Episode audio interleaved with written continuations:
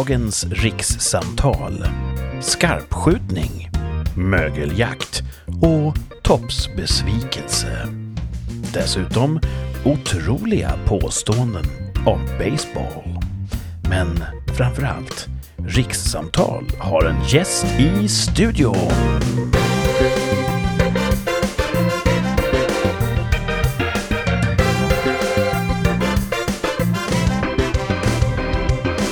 Han är multikonstnären som utforskat nästan alla uttryck. Han har skådespelat, skapat musik, skrivit och tecknat egna och andra serier. Och sedan 2009 har han ägnat sig åt att måla och ställa ut abstrakt expressionism. Men framför allt är han en av Rikssamtals mest hängivna lyssnare. Och det är oss ett enormt stort nöje att hälsa välkommen som gäst Rolf Leidegård. Tackar, tackar. tackar, tackar. Välkommen till podden. Mhm, tackar. Eh, och vi har Thomas och även Martin med den här veckan. Jajamän. Ja, ja. Ni är också välkomna. Ska vi... Ja. Välkommen tillbaka Martin. Eh, det var lite Martin. knas förra Mm. veckan. Det blev lite knas. Eh, Ja. Jag kan ju köra vad som hände. Det, jag satt vid, liksom, vid middagsbordet och sen så bara kände jag någon enorm trötthet komma över mig. Jag troligtvis fått i mig någonting. Jag är ju sån här glutard så jag kan ju inte käka gluten utan att bli helt komig. Så jag satt, kände bara att min livsvilja försvann så jag bara, jag måste gå upp och lägga mig. Tänkte jag att jag såg framför mig en kvarts liten tupplur. Och sen vaknade jag av någon som petade mig i ansiktet klockan 11 någon gång på kvällen. Jag var helt out cold.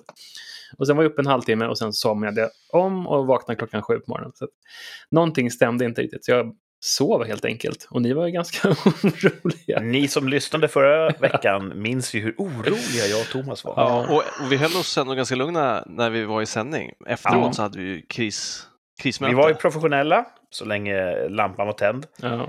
Och sen hade vi långt gångna planer på att, att eh, ja, skicka ut Thomas. Jag var på väg, Ja. jag, jag stod utanför på gatan och väntade på Ubern som jag hade beställt. när Kurt skickade sms. Ja, alltså som lyssnare måste jag säga att man var ju riktigt nervös och det var Ja. inte kul känsla. Nej, början, det- det- måndag utan Martin. Alltså det var, Man kunde känna nerven. ja, gud, ja. Jag kände den genom ryggrad och huvud och allting. Men nu är Martin tillbaka Ja, och framförallt vad kul att vi har... Det känns som poddens första gäst, va? Ja.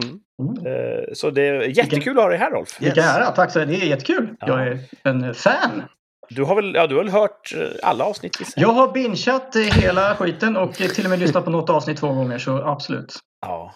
Jag kommer på mig själv ibland att lyssna faktiskt på avsnitt här, när jag sitter i bilen. Och Ja, men det, de, de, de tål att lyssnas om faktiskt. absolut, det är mysigt. Man kan Ja. ha på det mitt i natten, man kan ha på det mitt på dagen. Det är bara perfekt. Jag känner mig lite Lys- hedrad att ha liksom en lyssnare liksom, en live här med oss. Det, det känner mig. Den enda som kan, inte kan ni liksom fråga från, från, från andra sidan kan ni få lite så här feedback. Så. Ja. Mm. Ja. Har, har, eh, vi pratar mycket om vilka stående inslag som ska överleva och vilka vi ska välja bort och så vidare. Två av tre är ju... Det finns mycket hatkärlek till två av tre. Jag älskar han. Men. Thomas hatar den. Jag hatar den. Ja. hur, hur känns det från andra sidan där? Två av tre? Två av tre, för den måste ju vara kvar. Alltså det känns som... Jag tycker alla de ni har, ni har verkligen lyckats eh, karva fram verkligen ett perfekt program. Som ni har, det får rum att liksom rulla runt lite och prata runt omkring. Men ni håller ändå till de här punkterna. Och jag, än så länge tycker jag de håller allihopa. Så att, Vad kul att eh, höra. Ja, ja, jag gillar det. Alltså det Ja. Vi ska fortsätta att skapa bra content, som man säger ja, ibland. just det. Ja, content. Ja, ja, just det. Och det första vi ska göra nu, det är ju att ha en liten avrapportering om veckan som gick. Vi ska var och en då bjuda på veckans topp och veckans botten. Eh, så låter Thomas börja kanske? Ska jag börja? Ja. Eh, absolut. Eh, botten var, det här är också, då, nu är det en jobbrelaterad botten. Oj! Ja, Ja. du har, ja, du har Mm. hissat din eh, arbetsgivare väldigt länge. Ja. Eh, vi skulle ha ett sånt, vi har, haft, vi har haft lite corona på jobbet så vi har haft återkommande test att eh, Företagshälsan kommer dit och tar näsprov på oss. Eh, och då var det sagt att vi skulle ha ett igen i torsdags. Och på väg till jobbet så tänkte jag, "Oh, det är inget kul att få en pinne i näsan. Men det händer så jäkla lite just nu så jag ser fan fram emot det här. Ta- Bara lite mänsklig närhet. Eller exakt, Kontakt. exakt. En penetration helt enkelt. Okej, okej. Okej, okej. Eh, Alltså att jag gick dit och tänkte, ja det är i alla fall, det är i alla fall näsprov idag. Och så var det ett missförstånd, så att det var inget näsprov. Så du fick inget Jag fick inget. näsan? Nej, det, det, det, det, det, det blev inget. Och då tänkte jag att det var synd. Och sen så dagen efter så har de bokat in ett näsprov i veckan, eh, april och maj ut. Och det konstiga är att jag blev inte glad av det heller. Så mycket vill jag inte ha. Det är lagom är mycket. bäst. Det är för mycket näsprov. Det är för mycket näsprov. Det kan bli för mycket näsprov. Ja. Jag har faktiskt, jag har aldrig eh, näsprovat mig. Nej. Inte jag heller. Det är en speciell känsla. Jag har gjort det två gånger faktiskt. Ja. Ja. Jag kan inte säga att jag, att jag är sugen på det. Det ser fruktansvärt Men man ska ju först ut. topsa sig liksom bak i svalget och sen i näsan och i den ordningen. Annars är det ganska... Och det är väl det att Ja, man säger att man inte ska dricka kaffe och sånt där, att äta stark mat innan man gör det, för att då känner man det i, näsan hela dagen. Typ. Ja, just det. det kan stämma. Det är ju smart. Jaha, för att ja. man petar där ja. Just det. Ja, man tar ju så sin salivblöta topp och stoppar upp i näsan. Ja, du har testat det själv. Det har jag också gjort. Ja. Det är en barnlek kan jag säga mot när ett proffs gör det. Jaha, Alltså, okej. det, det är lättare att göra själv. Ja, alltså, för där sätter du gränsen själv. Bara, här, här, här är nog max, tänker man. Och så möter man ett proffs som säger att det är inte alls. Här är max. Och det är det du sak, du liksom ville ha? då? Nej, jag, jag, alltså, det är väldigt märkligt. Men jag vill ändå att man får ta en paus från jobbet, man får stå i den där kön och känna lite, åh, det här är inget kul alltså. Nej, det är det inte, men det är kul att vi är här ändå. Alltså, det är lite, Ja. Det är märkligt vad man snabbt finner sig i olika Det var situationer. ett event helt Det, enkelt. precis, Mm. det blir en Du gick du händelse. miste om det. Gick jag miste om det. Så det var Kommer ni ihåg eh, den här realityserien Astronauterna som gick på TV3 för många, många, många, många år sedan? Nej. Bara till namn. Nej. att de sk- Den sista skulle få åka till rymden, var det så? Jo, precis. Det var en sån eh, utslagstävling då eh, över flera avsnitt. Eh, ganska så dugliga människor överlag som skulle tävla i olika astronautaktiviteter. Åka centrifug och tänka och sådär. Ehm, och vinnaren skulle då som sagt få åka ut i rymden. Eh, ett av momenten de skulle göra, det var att injicera sig själva i Jaha. låret. Autoinjektor Att- eller? Ehm, Nå, eller? jag minns inte om det var en vanlig eh, jag på att säga, en vanlig spruta. Eller någon autoinjektor. Men eh, jag kan tänka mig att om man inte har gjort det förut så är det så här, oh, du ska sticka in en nål här Mm. i benet. Det, och Men- en del hade problem med det. Med vad då? Vad var det för någonting de skulle Eller in? någon Saltlösning bara. koksaltlösning sig. Ah, Men någon- det där vill man ju följa upp. Fick vinnaren åka till rymden? Jag Ja. vet faktiskt inte. För det jag vinnaren på. kvar i rymden? Precis, har någon hämtat hem det var en one way ticket. Var det en hund? Nej. Det som, man röstar ut folk och de hamnar i rymden.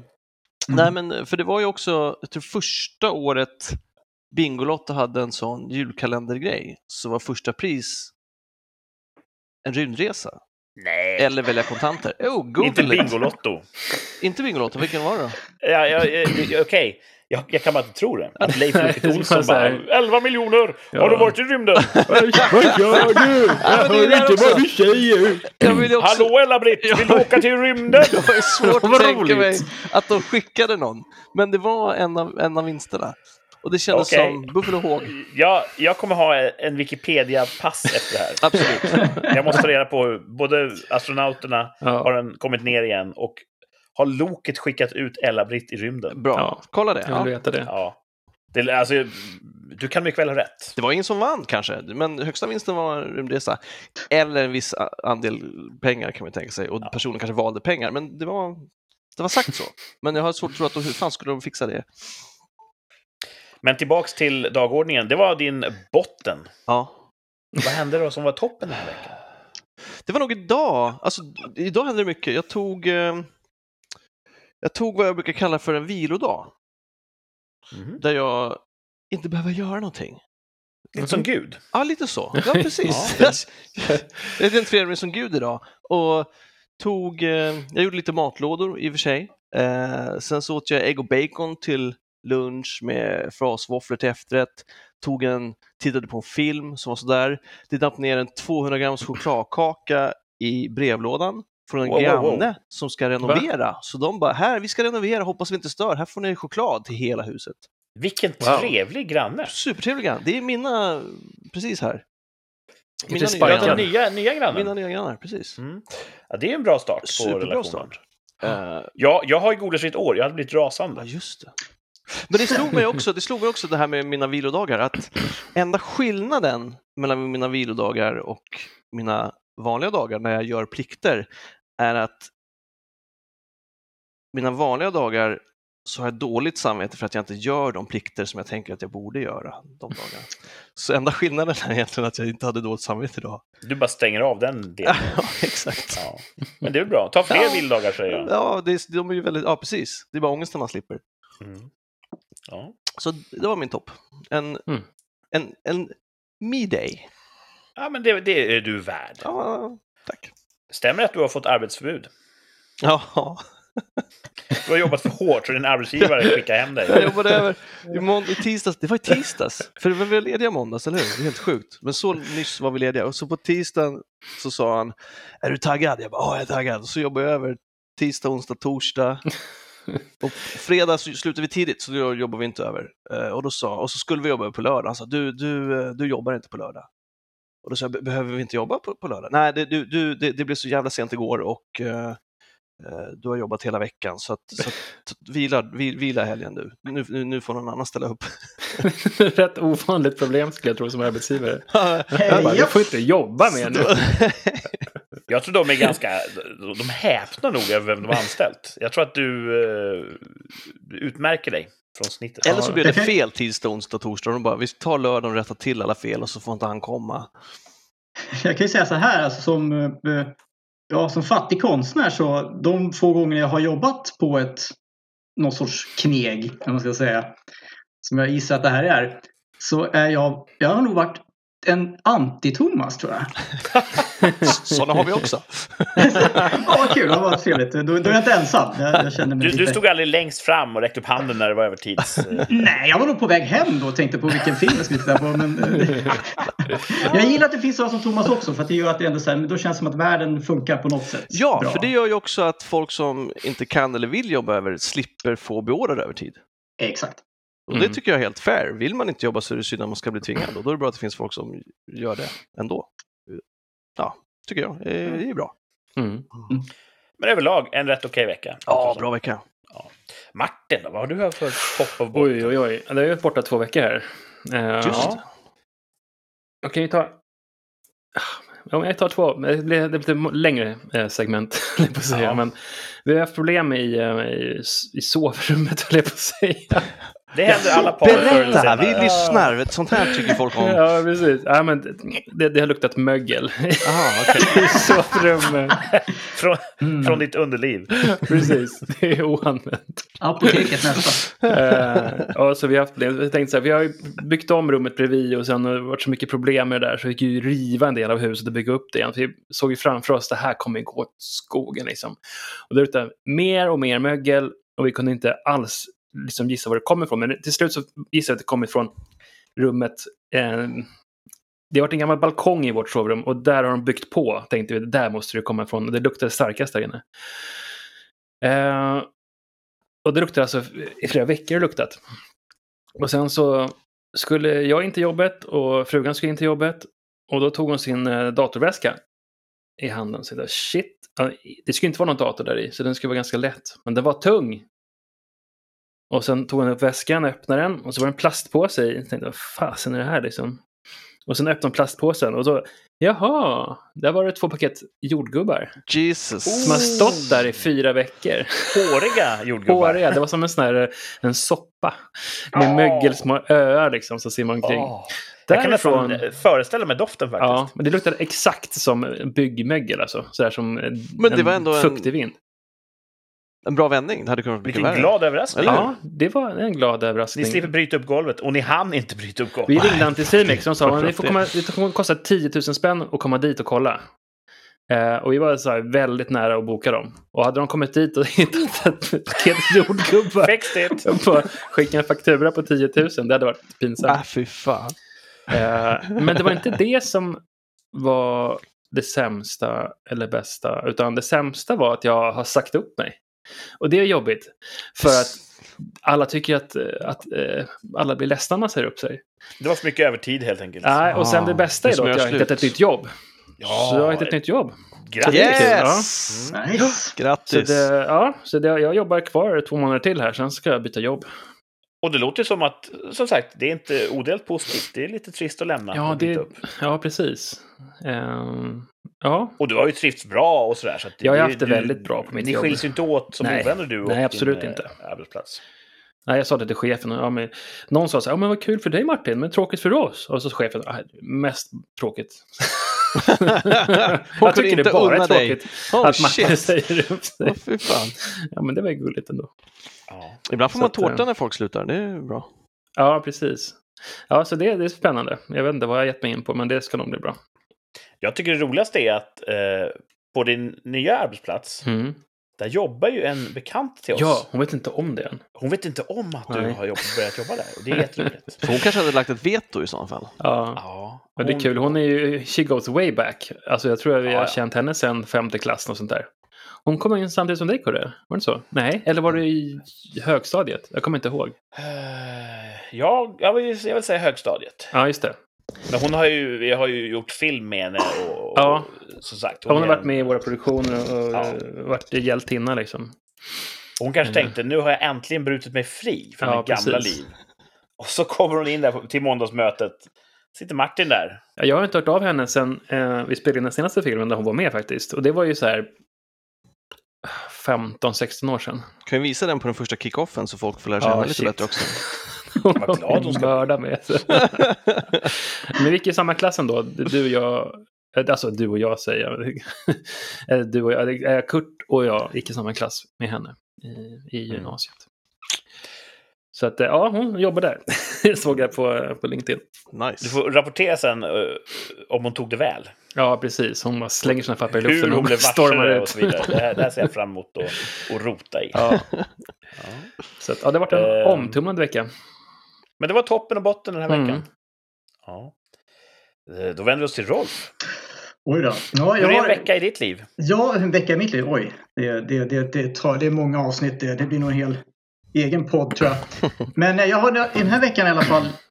Jag har nog två, två botten i alla fall. Så jag kan börja med. Det första var självklart att, eh, var, var att Martin var borta. Det kändes tomt. va- Jag varje försökte- måndag morgon så lyssnar du. Varje måndag morgon, jag dukar upp kaffet och fixar liksom grädde, socker, allting är perfekt. Jag har liksom fin mugg och allting. Sätter på och bara, "Ha, hej tjena, det är Kurt och det är Thomas. Och tystnad. Så att det var liksom, ja, ja okej. Man- Jag förväntade till tisdagen så det kändes allt normalt igen. Men så det var en botten. Mm. Eh, den andra botten var väl att jag för första gången sedan i oktober satte mig vid ritbordet. Som jag, liksom, den den avdelningen i studion har varit avstängd sedan dess. Jag kände, när, när nu kände jag att jag ska börja igen, jag ska börja teckna lite. Sätter mig ner, börjar, kanske sitter två, tre timmar och det blir bara blaj. Och jag verkligen känner så här, nej det går inte. Så jag, jag lägger ner och går iväg och tar en promenad istället. Men dagen efter tänker jag så här, nej du måste komma igång, sätt dig igen. Och sitter hela dagen och kommer in i det här kreativa flowet som jag trodde att jag liksom verkligen hade tappat helt. Om man säger så. Det tar ett tag att komma igång igen och det kändes jävligt nice. Gött. Kul. Ah, skönt. Det där är intressant tycker jag, för det är som sagt, eh, du målar och Yes. du tecknar. Och det är Yes. alltså två olika processer. Det är två olika sorts... Helt olika. Det är det som är så konstigt. Man, jag kanske liksom, jag hade väl en period när jag, nu de senaste två åren, där jag tecknat jättemycket. Jag tecknat mer än vad jag någonsin gjort liksom hela mitt liv. Jag har verkligen haft det flyt, jag har haft eh, konkreta projekt som jag jobbar på. Men sen är det någonting som händer, att den energin eller den lusten, det, inspirationen tar slut. Och det är oftast, då är det ett avslut som ska gå då till nästa kreativa grej som oftast är då antingen det är kanske skriva eller så är det då målarperioden.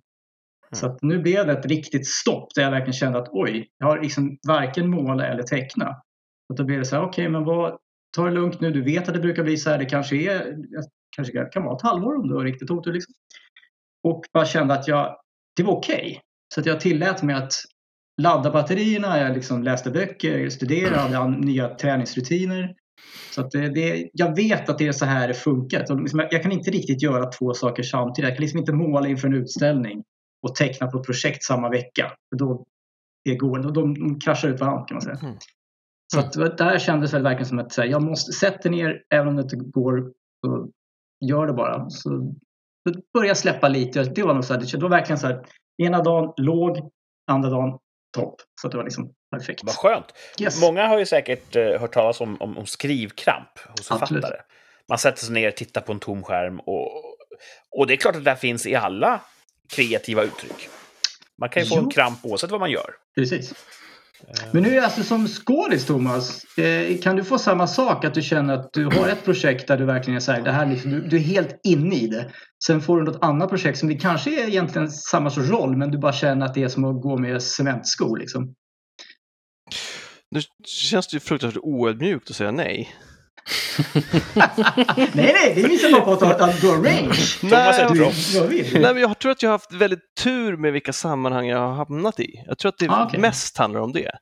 Att eh, det har lyckats vara bra människor runt omkring mig och då får vi kreativitet av varandra. Ah, okej. Så, så, så, men det är också, och då blir det ju ett eh, lagspel där man liksom pushar varandra. Så att det, det, ja, jag har bara haft tur att det har varit så. Och så har det varit, det har ju sällan varit korvstoppningsroller heller. Det har sällan varit för mycket på samma gång, utan det är ganska, det har varit utspritt. Eh, en ont om jobb helt enkelt. Men, Ah. men nej, så, så, så det, sen kör man ju fast på olika segment. Alltså jag brukar hamna i olika, jag kallar det för svaga punkter, att nu är det här den svaga punkten, den här scenen, den här repliken är den jag har svårt med nu. Liksom. Och så, och så Okej. jobbar man med den tills, tills den lossnar och då tänker jag, ah, fan vad gött, fan vad gött, nu är den här, ah, fan nu är det här den svaga punkten. Och så jobbar man med den och så flyttar man hela tiden upp bygget under Mm. arbetets gång. Eh, Men, men aldrig att, att hela pro- projektet känns som att det här kommer aldrig gå. Eh, Nej, jag, känner ingenting för det här. Eh, Sällan så, men delar av det kan vara. Så att jag är fascinerad för hur du kan hålla det här att du älskar att gå till jobbet, alltså kneget. Ja, jag, jag, Men jag, jag samtidigt så med. är det, för det, det här skådespeleriet är ju ditt riktiga jobb. Tack! Så att, jag, menar, så jag, jag, skulle inte, jag har inte lyckats hålla de två. Mm. Att Nej. har jag ett kneg så är det det absolut värsta som finns, spela jordklotet.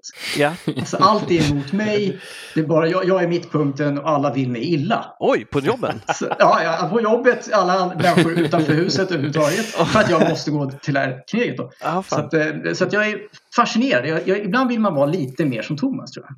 Men jag tänker också, det är jättefint sagt, tack så mycket, men jag tror att det också har med sammanhang att göra. Eh, Just det här jobbet trivs jag på. Jag har ju haft, jag har haft ett jobb som jag kallar för det värsta jobbet i mitt liv. Ah. eh, där jag jobbade ett tag. Och, och där jag köpte, varje dag efter jobbet så köpte jag en trisslott så att jag hela dagen kunde tänka, jag kanske inte behöver gå hit imorgon. Det var liksom det enda, det höll mig fan. Det, var, så det gick åt en jävla massa trisslotter. Eh, och sen så hittade jag till slut ett annat jobb som jag kunde gå till. Så jag har ju också vantrivts på jobb. Och nu är jag också orolig att är det här ett steg längre bort från branschen? Ah, mm. Blir det svårt? Kommer jag få jobb som jag måste säga nej till för att jag inte får ledigt? Och hur gör jag då? Ska jag säga upp från det här jobbet där de verkligen tror och satsar på mig för någonting som är tillfälligt? Eller, ja. Och då tänker jag, jag tar det när det kommer. För nu har jag jobbat ett år och inte behövt säga nej till något. Och då har jag inte heller blivit erbjudit något på ett år. Då är det bra att jag haft ett annat jobb. Ja, det är sant. Och så är det Det är gärna tur att jag trivs där. Eh, och att de... Ja, gud ja. Jag är lika Liksom. glad varje vecka. Så att, för att jag, här, jag bara tänker, shit, det där är fascinerande. Han måste vara ensam på hela jordklotet. Men, eh, så att, ja. Fast Det är jag också. Ja. Apropå ensam på hela Jag tänkte på det också, det här med trisslotterna. Jag har köpt så jävla många trisslotter och det har jag aldrig gett mer än 150 spänn tror jag. Det är min toppnotering. Och då brukar man säga otur i spel, tur i kärlek. Och då har det visat sig att tur i kärlek, det innebär att man är singel.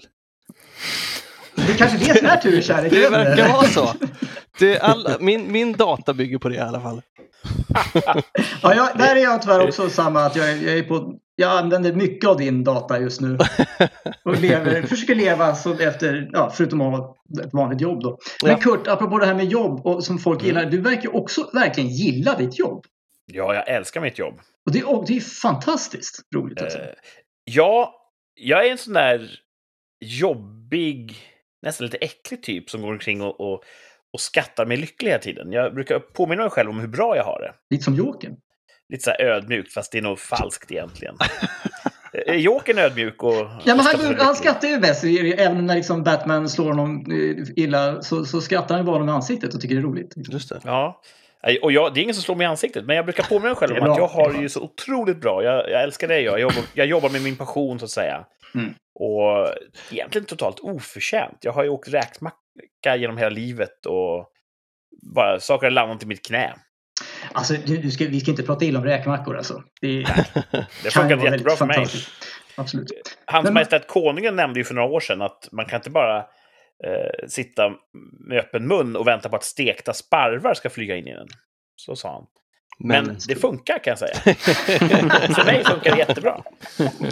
Men Martin, du har bytt jobb. Var det för Ja. att du tyckte det gamla jobbet var tråkigt eller var det? Ehm, det är kanske lite, lite enformigt har det varit. Jag har suttit liksom Ja. framför en, en, en datorskärm hela tiden och haft kontakt med, jag hjälper kunder med en, en, företaget säljer mjukvara för ett analys eh, av data. Och då, eh, då sitter jag framför min dator och så hjälper jag kunder i ett system. Liksom. Det är inget, inget face to face. Så. Äh, Och nu kommer jag få en, en annan roll som är också hjälper ett annat företag med deras mjukvara. Eh, de håller på med eh, mjukvara för cancerbehandling. Eh, Mm. sådär. Så det känns ju viktigt. Eh, och sen så är det mer en lite bredare roll att jag kanske får hjälpa till före och efter de har köpt den här Ja. mjukvaran och lite mer ansikte mot ansikte. Men det här är jättebra. Då, då, då är Ja. ni tre verkligen... Ni motbevisar ju all, alla mina känslor om att, om att gå utanför dörren och jobba.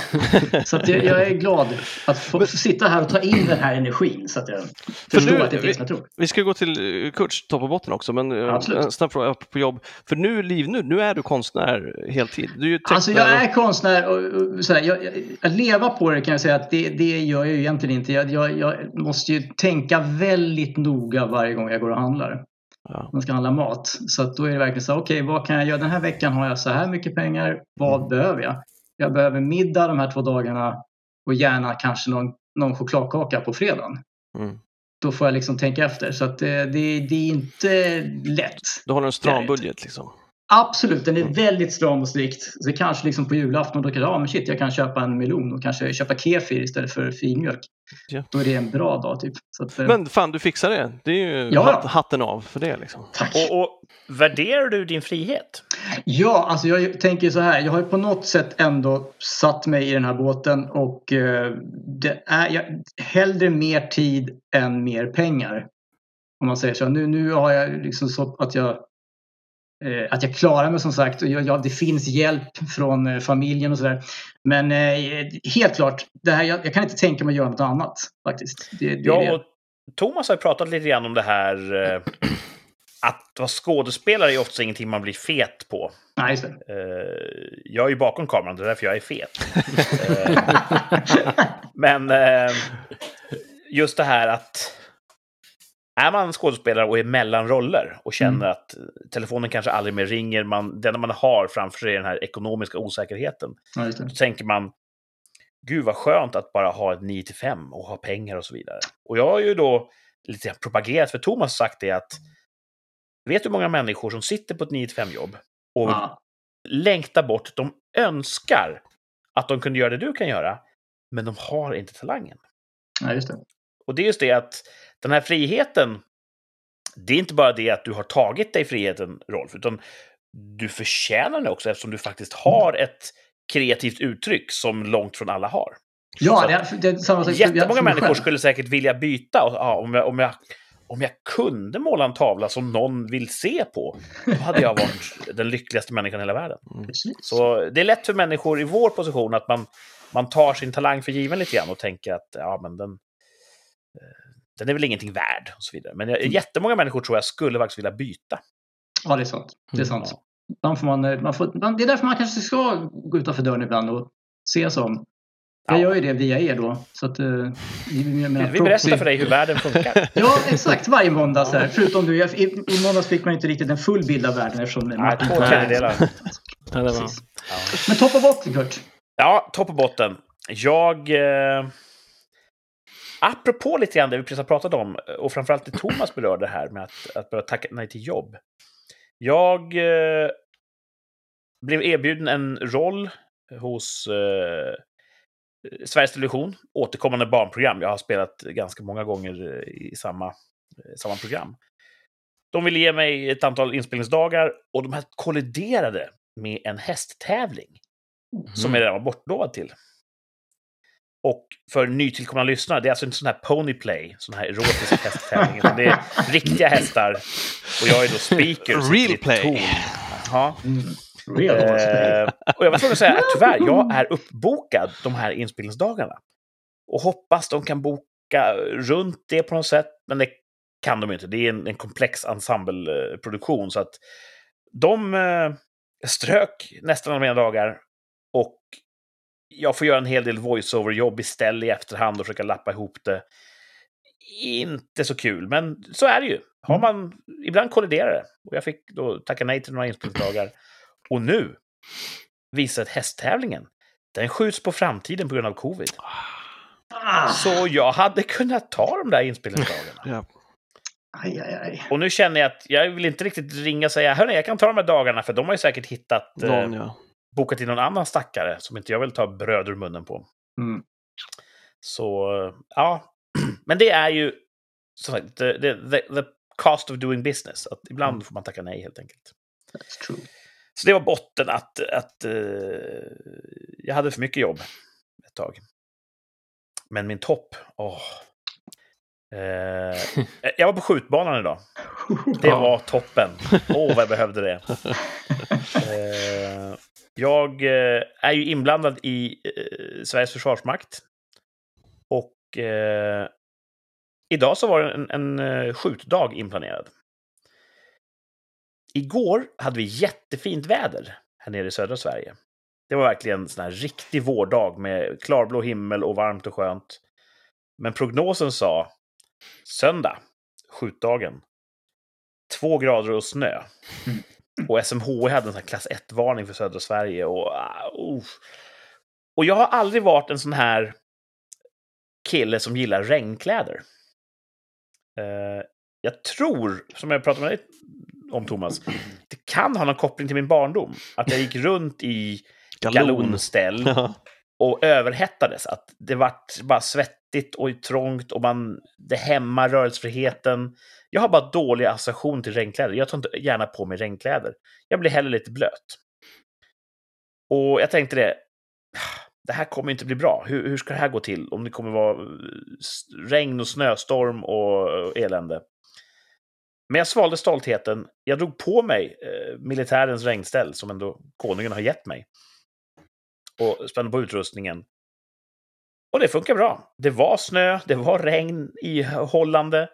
Men ja, materialen funkade och jag hade en jätterolig dag på skjutbanan. Men ni var alltså ute då och sköt? Ja, Ni låg inte inomhus? Ja, Sista halvan, eller ja, sista tredjedelen kan man säga, gick vi in då på den så kallade 100 meters vallen. Okej, och där är okej. det tak med infravärme och man ligger bekvämt. Mm. Och, och eh, där avslutade vi skyttet. Och det var ju en, en fin avslutning. Vi hade stått ute på vallen då hela... Gick Hela dagen kulan fram tills dess. dit du siktade? Kulan gick väldigt rakt och, eh, och fina träffbilder idag. Mm. Så jag kan säga att om någon främmande makt planerar att eh, söka konflikt med Sverige, gör inte det. Vi skjuter otroligt bra. Jag har en. Kurt. Ja. Och, och tusentals som mig som står beredda att försvara fosterlandet. Mm. Så det, det var min topp. Det behövs inte mycket, men det, var, det är kul att skjuta. När man ligger där, och framförallt med den här råa luften. Man ligger i, här, i det här avlånga huset med alla andra som skjuter samtidigt. Och man fokuserar på målet, man kravar av tryckaren, jagar iväg en kula, den flyger rent och träffar fint. Och så andas man ju då. Man andas in, andas ut, håller, lossar skott och sen tömmer man lungorna och så börjar man om. Och de blir medveten om att jag andas ut vit rök och vet att det här är ju svavel från krutgaserna.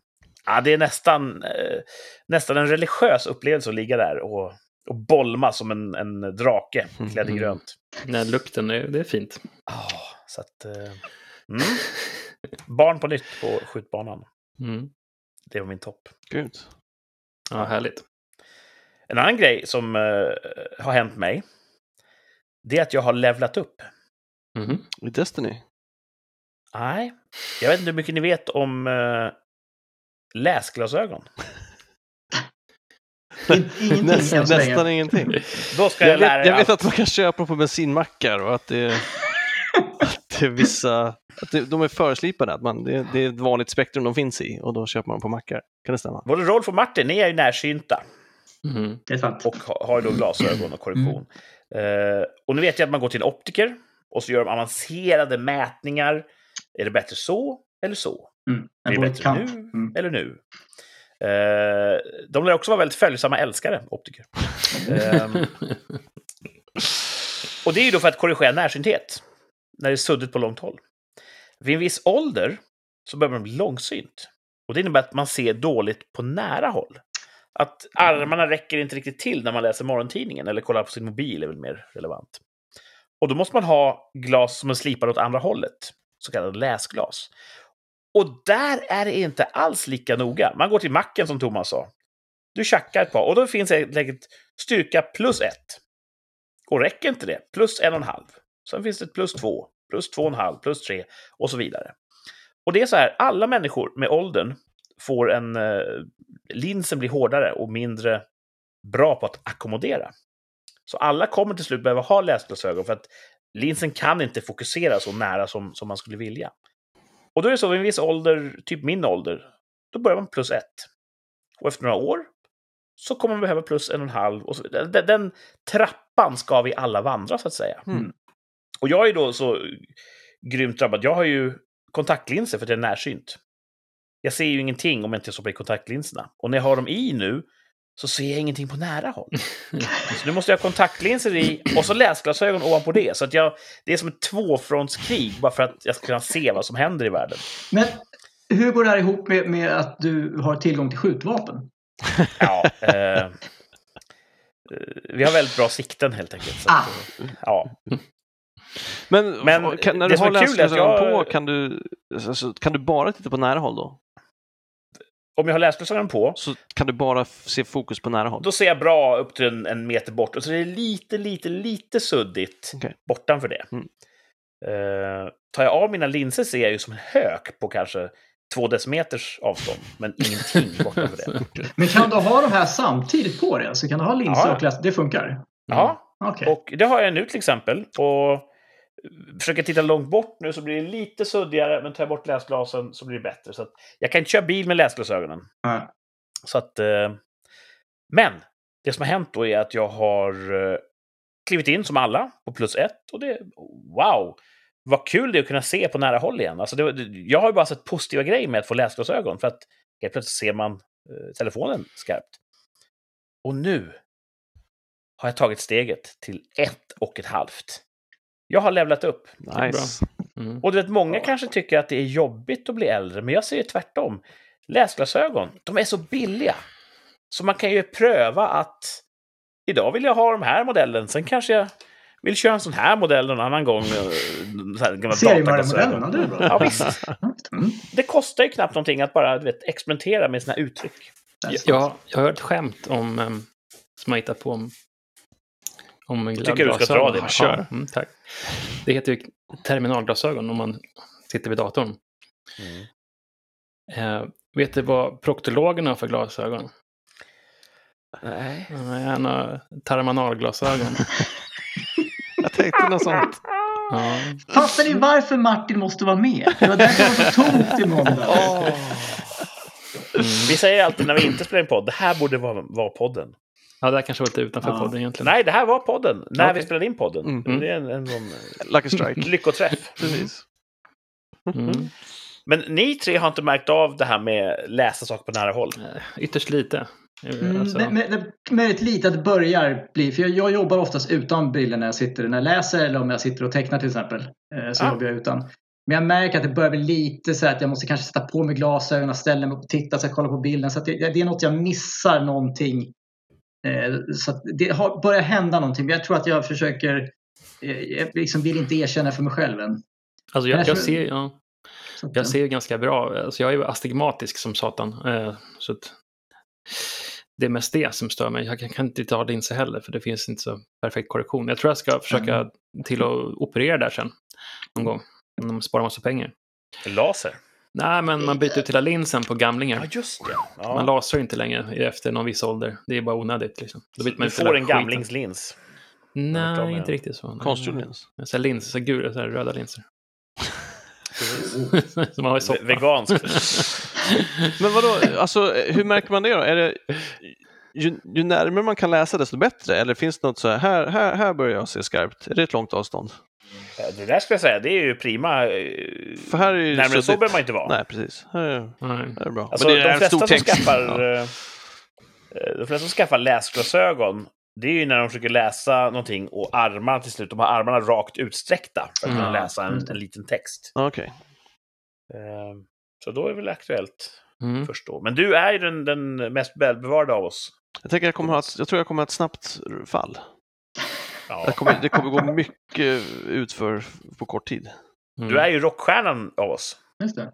Så att du kommer ju Slå sönder hotellrum och- och krascha. Ja. Ja, det känns som en grej som du gör. Det, Ja, de, ryktena jag har hört om dig så är det definitivt sånt han gör. Jag fyller på schampoflaskorna med mitt egna medhavda schampo när jag är klar så att det inte ska fattas något. precis.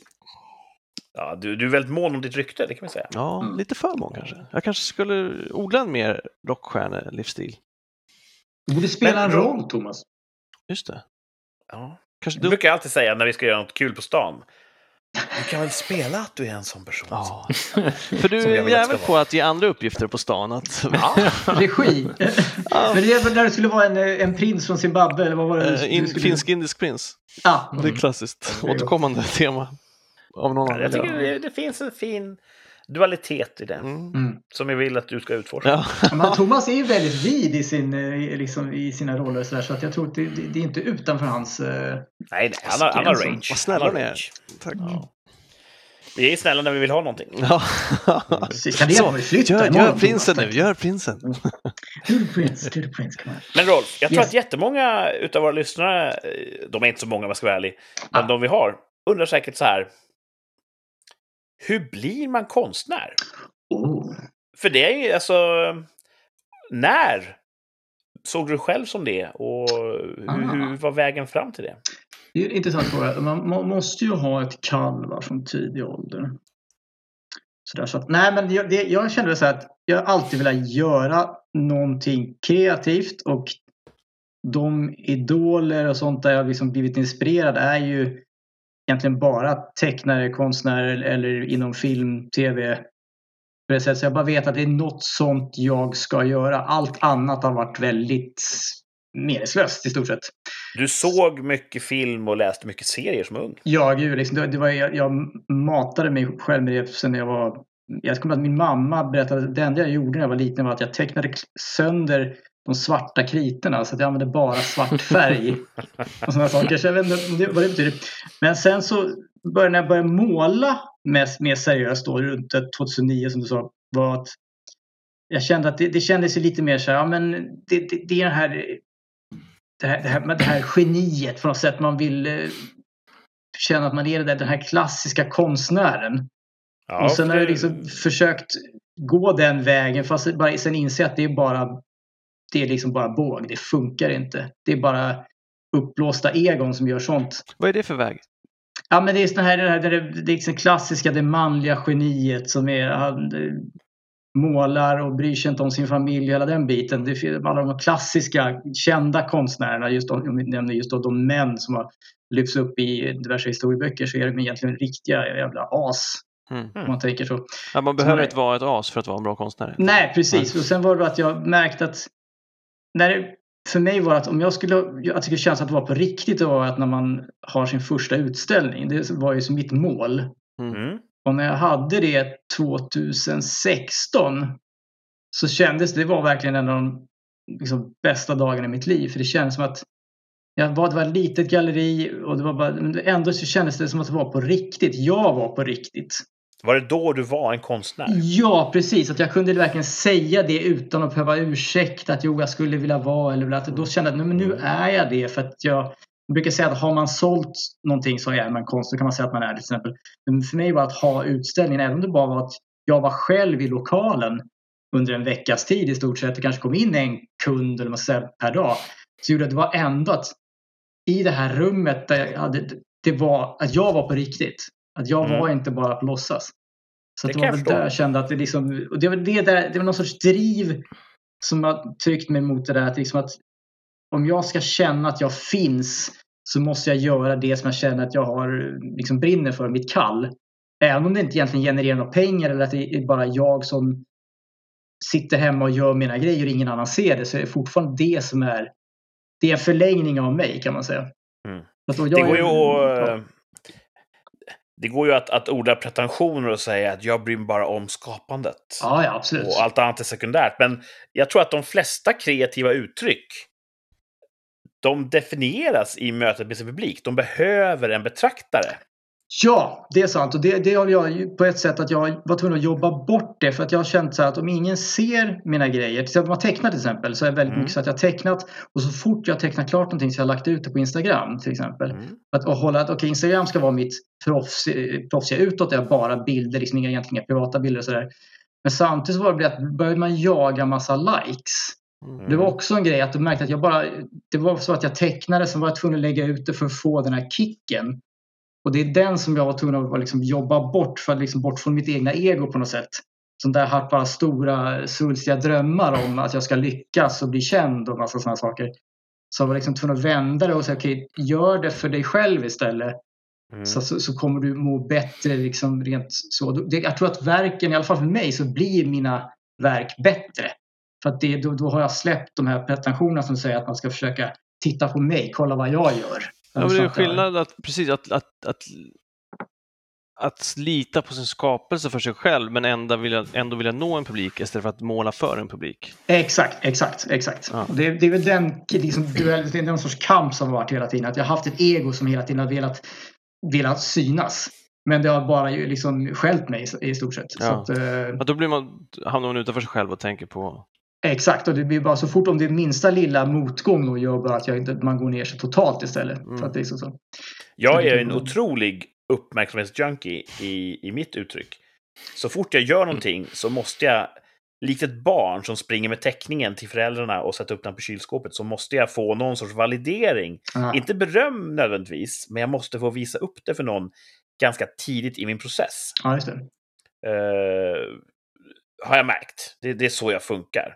Så att jag är inte där än att jag bara, räcker inte med att jag själv bara är nöjd och att jag gör någonting för mig själv. Jag måste eh, dela med mig. Det, Mm. det är på något sätt en, en grundtes i, i Men är du inte rädd att, den här, att energin av det du skapar då, att om du visar det lite för tidigt säger vi, att det känns, känns det då som att det, det, det bara är halvdant på något sätt, att det liksom inte riktigt att få rida ut det fullt ut? Jag tror att det är en, det är en, eh, en mycket riktig invändning. För jag tror att jag oftast hålls tillbaka av att jag är för snabb på hanen Ah, okej. Eh, jag är för tidigt ut för att få den här tidiga valideringen, den här lilla belöningscentra-stimulansen. Mm. Och det gör att jag kanske sen då inte kommer in i... Kom, inte kommer upp i fart igen. Jag Ja, kanske det. släpper det sen och inte riktigt fullföljer och så vidare. Ja, exakt. Så att, eh, det- det skulle säkert vara bra för mitt, för mitt uttryck att inte vara så snabb i den riktningen, men man är där man är. Jag tycker det är svårt. Nej, med det kreativa skapandet. Alltså, jag har ju fotat en hel del. Nu har jag nästan lagt det på eller Jag har köpt en ny kamera, men det är inte så. Men eh, det är svårt. Det är mycket ångest inblandat i den processen, för mig i alla fall har det varit. Och Yes. just det här med att vad är jag värd? Alltså om man, just med fotografering, så man, jag ska göra den här tjänsten åt, åt dig. Jag ska fotografera ditt bröllop. Eh, vad, är, vad är jag värd som fotograf? Liksom? Ja, Och just oftast för mig har det varit så här att ja, men nästan slutar med att jag, att jag nästan ger dem pengar. Alltså det ja, men, tu, tusen lapp och sen har man tagit så här tusen bilder och så sitter och redigerar dem där sen. Och sitter man i en Exakt. vecka liksom. Och då tänker man att det kanske var värt mer än så. Mm. Eh, det är svårt, alltså det är så mycket ångest också. Så ska man presentera det här, det här är mitt, liksom, okej, det här blev det. Mm. Det här är ni som har anlitat mig för. Och som om man fotograferar bröllop och sådana grejer så måste det ju funka rent tekniskt. Man kan säga så här, det gick sönder, alltså min kamera pajade för att Ja, just det. du måste ha backups. Och alltså, det finns mycket som det är mycket ångest i det också. Så jag hoppas att allt att det funkar. Mycket ansvar. För det är deras dag. Eh, det. och sen det här som man visar det så här att man skickar, okej, här, så här blev det. Skickar bilderna med e-posten. Liksom. Och så får man sån ångest. Alltså, man tror inte, alltså man verkligen tvekar på vad man kan. Man, mm. man, ja, men det där kanske blir bättre med tiden. Alltså, Ja. Jag vet inte. Alltså, Ja. Jag har ett, ett bra exempel som jag verkligen, det tog mig, tagit mig alltså hela livet att lära mig. Det är som att jag älskar till exempel, att köpa nya eh, block till exempel, nya pennor. Det är som Mm. man hittar ett nytt block, man hittar sitt liksom favoritblock. Och sen så, så köper man det, sen, sen vågar man inte ens använda det för att det är någon spärr. Men Mm. det jag har förstått nu är att om jag köper ett block, även om jag kanske köper ett dyrt block för att det är något extra fint märke. någon anledning, Det första jag gör är bara första sidan, häll bläck och bara kladda med händerna i stort sett. Så att har jag, då har jag redan öppnat det, jag har redan använt det, jag har spräckt den här barriären som jag annars, alltså innan Ah. inte kunde komma över. Mm. Och det är det Jag ska måla jag- först när jag vet att det kommer bli bra. Exakt, det går inte. Mm. Men det märker man många som liksom vill börja måla. Alltså kanske lite äldre. Så här, nu ska jag börja måla. De köper sina grejer och så sätter de igång och så blir det inte bra den här första fågeln eller vad de ska göra. Och så slänger de grejerna. Mm. Mm. Och det är som, jag, har en, en eh, kollega som har frågat om lite hjälp. Om liksom, vad, vad kan du, hur kan jag inspirera? Vad, hur ska jag göra? Vad ska jag tänka? Och det enda egentligen jag kan säga till den är just det här. Köp, ett, köp ett block, måla direkt, kladda, alltså riv sönder första sidan. Häll färg på det bara, sätt igen den så att det knappt går att öppna den. Annars kommer du aldrig komma över den där grejen. Liksom. Mm. Mm. Så att det är det jag tror Ja, är det var en intressant eh, aspekt faktiskt. Yes. Mm. Det, är Jag, jag, sagt, tror, det har tagit lång tid att komma till, till den insikten kan jag säga. Mm. jag tror jätte, jättevanligt att folk begränsar sig för att de tänker att blir det inte perfekt nu så är det slöseri med min tid och, och med medlen. Mm. Exakt. Mm. Så det kanske är en intressant eh, eh, någon sorts terapeutisk handling att, som du säger, eh, gör någonting som eh, verkligen inte, inte har ett värde. Exakt. För Och sen att där man ska inte jämföra sig heller också. Det är det jag har gjort och det jag har jämfört med, med liksom mina, mina, de största mina idoler liksom inom till exempel japanska mangatecknare som är liksom de absolut kändaste mangatecknarna i, liksom, i branschen. Och så tänker jag så här, det är så här jag vill teckna. Det är så här, alltså du, du, först och främst, du kommer inte kunna teckna så för du har din egen stil. Och även om det finns 40 000 personer som är superbra så ska du fort göra din grej. Så, Mm. alltså det är därför just att göra det för dig själv då. Alltså det, för om man jämför sig så så är det väldigt lätt att man tappar inspirationen eller tron på sig själv. Liksom. Och det finns ju redan någon som tecknar så. Ja, exakt, då. precis. Så- Det, är så det, det är Jag, jag brukar alltid säga att, eh, om jag ska bli lite så här pretentiös och, och men vis. det gillar vi som lyssnare. Allt sant skapande, all sann kreativitet kommer ur kopierande. Ja, just det. Mm. Sen människan börjar gå på två ben och göra saker så har allt kreativt skapande, Mm. det har varit kopiering som har misslyckats. Aha. Man ser någon göra någonting, jag försöker göra samma sak, men jag misslyckas med att göra exakt likadant och då har ett nytt uttryck uppstått. Mm. Ja.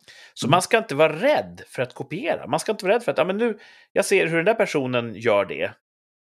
Det är Mm. okej att försöka apa efter den, för jag kommer troligtvis misslyckas på något sätt och då har jag börjat lägga en grundplåt till mitt eget uttryck. Så Mm. det är min, min filosofi eller skapande. Försök inte låtsas om att, att kopiering är någonting man ska undvika eller att det är någonting fult, utan eh, omfamna kopierandet och se det, för det, det, är, den, det är därifrån all ren kreativitet uppstår. Ja. Ingen skapar en kreativ idé ur vakuum. Ingen skapar Nej, alltså- någonting helt själv. Sen man tänker på liksom de, gam, de stora gamla mästarna man säger, så även de hade ju alltså hjälpmedel.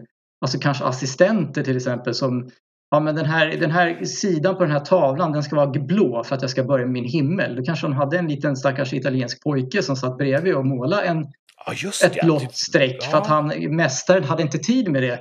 Mm. Och då man tänker efter så här, men så kan det inte vara. Då är det inte han som har skapat dem. Okej, han kanske är regissören bakom verket och ändå, han har ändå målat själva de viktiga delarna. Men när man börjar förstå att det även är så i, i liksom, till exempel som i seriebranschen att japanerna har ju oftast kanske 15 assistenter som sitter och jobbar 24 timmar om dygnet med att lägga gråskalor eller kanske lägga fartränder och grejer. Mm. Medan då är det så här, okej, men då är det ändå fortfarande den här skaparen, så det är hans vision som de gör och han är ändå tecknar de riktiga bilderna. Men om han skulle sitta och teckna varenda grej i de här rutorna som man ser så skulle han aldrig kunna gå ut. Alltså det, det, det finns inte tid, Mm. om man säger så. Och det är väl där jag börjar lära mig att liksom, okej, du, du, du har vissa begränsningar som du kanske aldrig riktigt kommer, du kanske inte har tålamod att komma över dem eller du liksom verkligen inte kan inte komma över dem för att det är någonting som bara du inte kan. Är att du kan använda hjälpmedel så länge du kan sätta ihop det någonting som är unikt, som är ditt. Och så, som du själv kan stå för. Om du bara vet alla de här lagen, vad det är. Att inte tycka att nej, det, är, det är fusk om jag gör så här. Ja, men om du bara hjälper till, här, det, då använder du ändå ett medel som du uttrycker det med. Liksom. Och det är också den där ångesten som Martin nämner. Att, att jag har haft så mycket ångest inför att jag kanske, nej shit, jag måste alltså, måla av den här handen för jag kanske inte kan rita händer i den här vinkeln. Men då känns det som att jag har fuskat. Men så tänker man efter, men om så mina, mina idoler gör typ stort sett samma sak på vissa tillfällen. Det betyder att okay, men jag gör det utan den här otroliga liksom, ångesten att jag gör fel. Mm. Och det har gjort att man liksom öppnar dörrar till att wow, jag kan ju alltså jag kan också göra det här. Så länge jag liksom bara gör det på mitt sätt. Jag kan liksom, för mig själv kan stå för mitt eget skapande på något sätt. Så att det, liksom, sen det här med att man ska lida för konsten, det, det stämmer ju på ett sätt. Men samtidigt så ska man inte, liksom, det finns ju de som är riktigt pretentiösa som är så här, jag ska äta glas och sådär. Det, det, det, det börjar bli riktigt larvigt. Mm. Men när vi pratade om, om värde, Martin berörde det, vad, vad, vad, som bröllopsfotograf, Mm. man tycker att oh, jag, jag borde verkligen inte ta, ta betalt, för då har jag också gjort en utfästelse, någon sorts löfte om att det ska bli bra och så vidare. Men det finns ju ändå någon sorts måttstock på, så här mycket kostar en bröllopsfotograf. Mm. Om det inte är, vad heter hon, Ann Leibovitz. Ehm, men så kommer vi till konst, tavlor, målad konst. Jag var på konstrunda häromdagen här nere på Österlen. Oh, nice. Återkommande eh, väldigt poppis grej. Mm. mä- Människor med pengar åker runt och tittar på saker som människor utan pengar har målat. Just det. Eh, och det som slog mig då var att där hänger en tavla. Mm, en del var fina, en del var fula. Det är ju subjektivt. Mm. En del kostar 36 000 kronor. En del kostar 5 000 kronor. Och nu frågar jag dig, Rolf. Mm. Hur prissätter du en tavla? Ja, jag, eftersom jag inte riktigt är i den, eh, det gänget än så skulle jag säga jag prissätter den precis som Martin säger där i början var det lite så här "Nja, men, ja, men 500 kronor, en tusenlapp. Och sen började jag tänka efter så här okej nu, nu har du sålt tre sådana för den, den summan. Du har själv tycker att du har blivit bättre, du lägger ner mer jobb på själva tavlan. Eh, Du, du, det, det kanske finns mer, alltså, det finns en historia med bakom att man verkligen okej, du har tänkt efter liksom från A till Ö att här ska den här bilden bli. Jag vet det, så det ligger mer jobb bakom. Så då kan jag säga okej, men nu kan jag sätta ett högre pris på den. Så att jag skulle tänka att eh, om jag gör någonting nu så är det mest att jag går på storlek och på hur mycket jobb jag lagt ner på den. Mm. Eh, Så att eh, det är extremt svårt men jag har haft konst, alltså riktiga konsthandlare som har kommit in på det lilla galleriet som jag har ställt ut på. Som bara kommer in och tittar och liksom, då har man kunnat passa på att fråga liksom, hur, hur funkar det? det är liksom, då har han liksom verkligen sagt att det här är inte så kul att höra som konstnär. Att liksom, egentligen spelar det ingen roll. Det är liksom, det har med, man ska vara rätt person på rätt plats. Så och även om jag kan göra en tavla som är på ett visst sätt. Jag kanske kan sälja den för 7000 och för mig är det wow, det är jättemycket pengar. Men om man skulle ställa ut den in i rätt lokal eller rätt folk som backar upp den skulle man kunna sälja den för 50 000 eller 100 000. Mm. Så Ja, för det, det som slår mig nu är att du säger, du värdesätter den efter eh, din måttstock. ja, Hur precis. mycket du har lagt in och så vidare. Exakt. Eh, men det känns som att just med konst skulle man kunna värdesätta den från vad någon är beredd att ge. Om du hänger ut en av dina tavlor Mm. på en, ett vanligt påskgalleri nere på Konstrundan och skriver 36 tuss, Ja, så kan det komma en person som tycker att ah, men den där är faktiskt värd det för mig.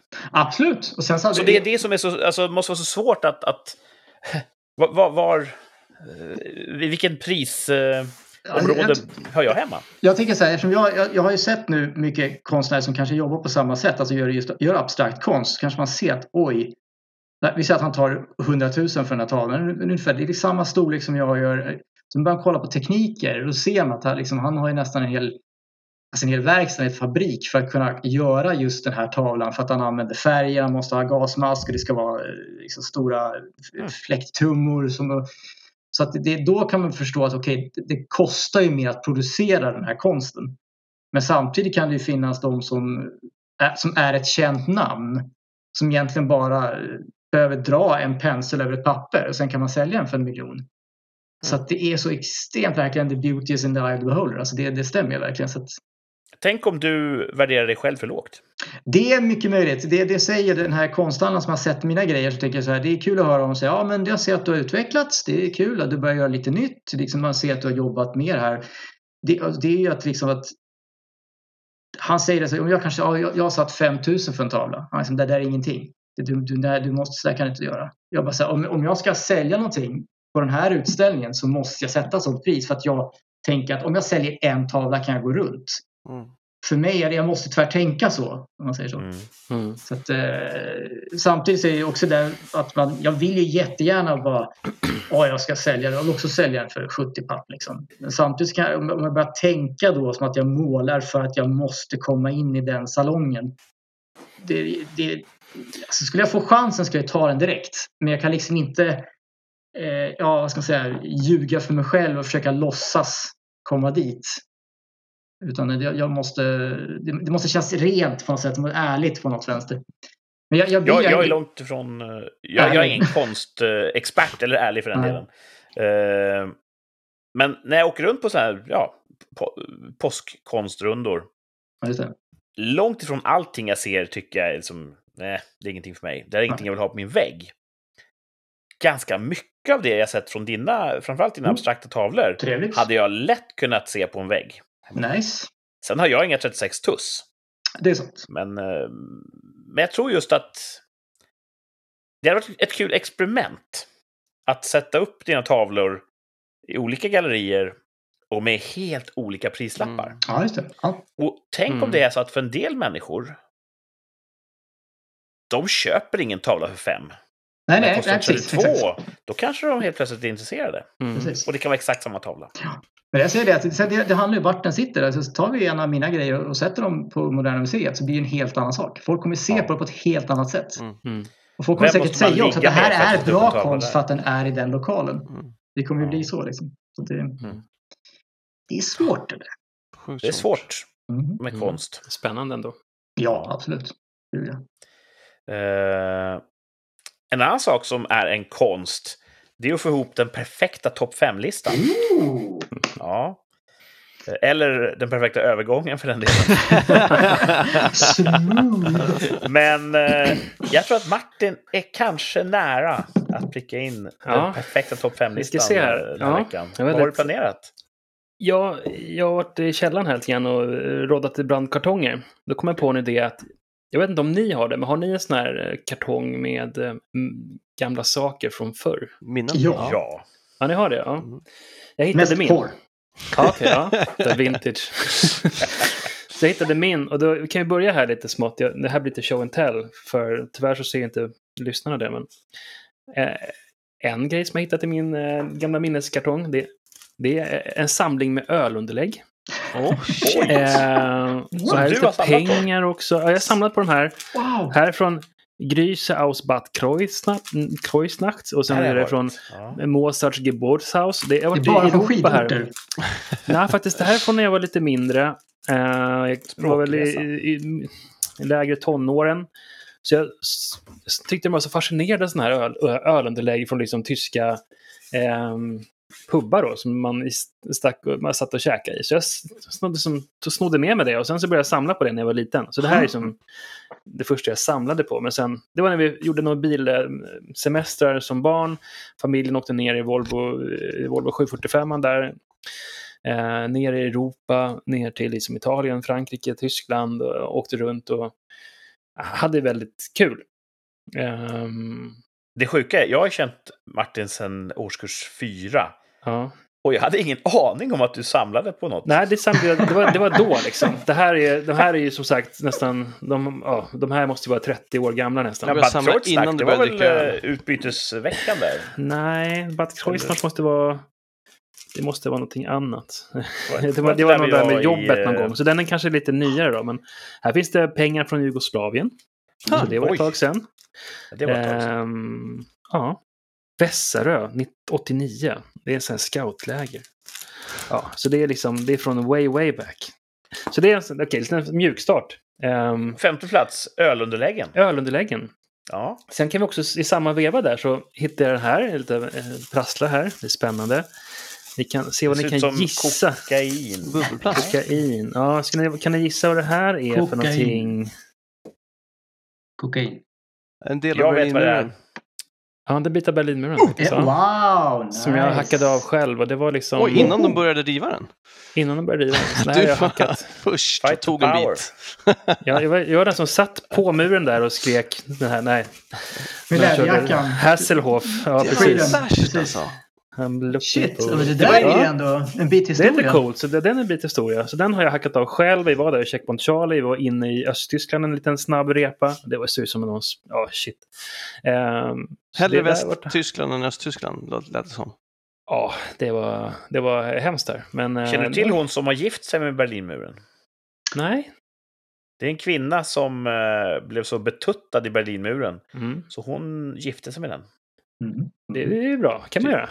Nu har du en del av hennes... Eh, Man. Ja, precis. Eller- hackat. Ja. Det kan ju inte vara consensual. Är... Sen så, eh, på, det var plats eh, fyra då. Men för trean kan vi ta det här då. Hittade jag massor med sådana här eh, halsband som jag har gjort. Eh, Som du har ja, gjort? men pyssel, Ja. precis. Ja, någon så här som det lite så här. lera man bakar i ugnen, va? Ja, och eh, det hade jag på mig när jag var på ravefester. Jag hittade massor med flyers från diverse ravefester. Det är därför jag har tinnitus fortfarande idag. Du var en raver. Det Ja, det där kan jag däremot säga att det, det, den Martin vi känner älskar hittade är ju massor Raver. liksom här. Massor med. Och det, Du var på Eh, Docklands va? ja, precis. Och vet du vad? Det här. eh, här är mitt memory card, mem- member card från Docklands. Oj, Jag var medlem eh, 4331. Jag träffade Mats Hinse där utanför, han som ägde Docklands, eller drev det.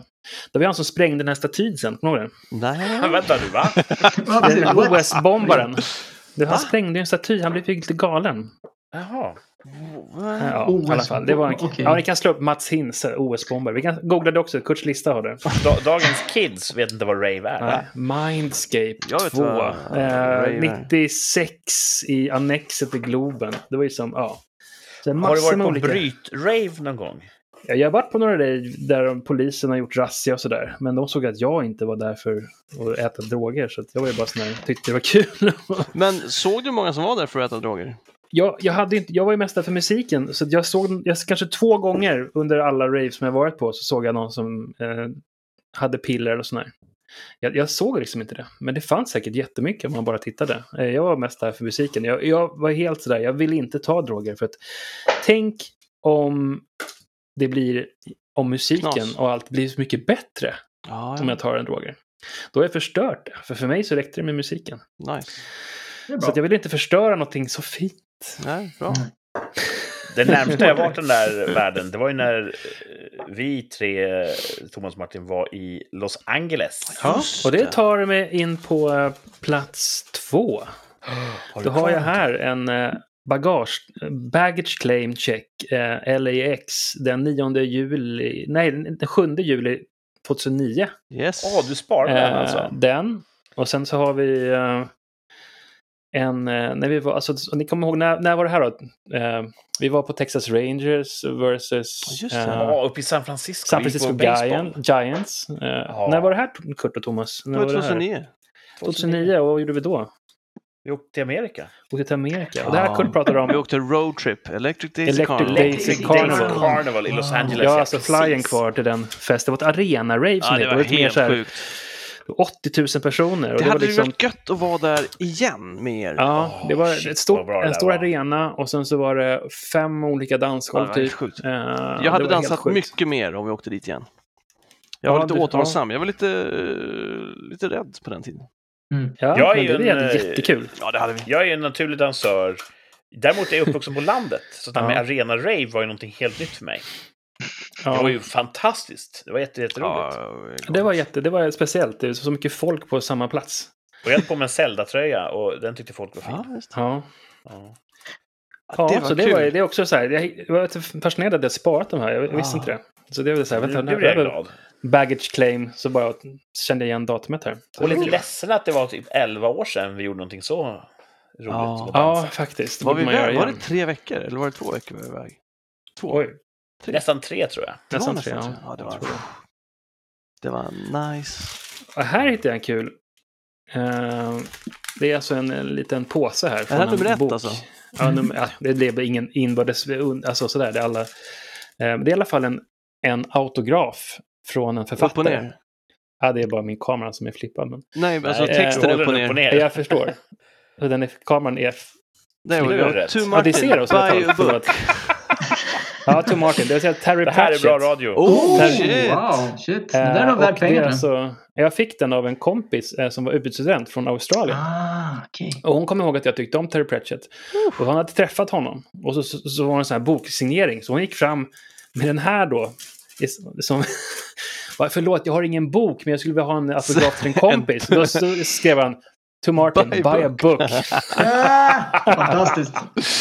Så den är lite rolig. Terry. Pratchett då, som gör med Discworld.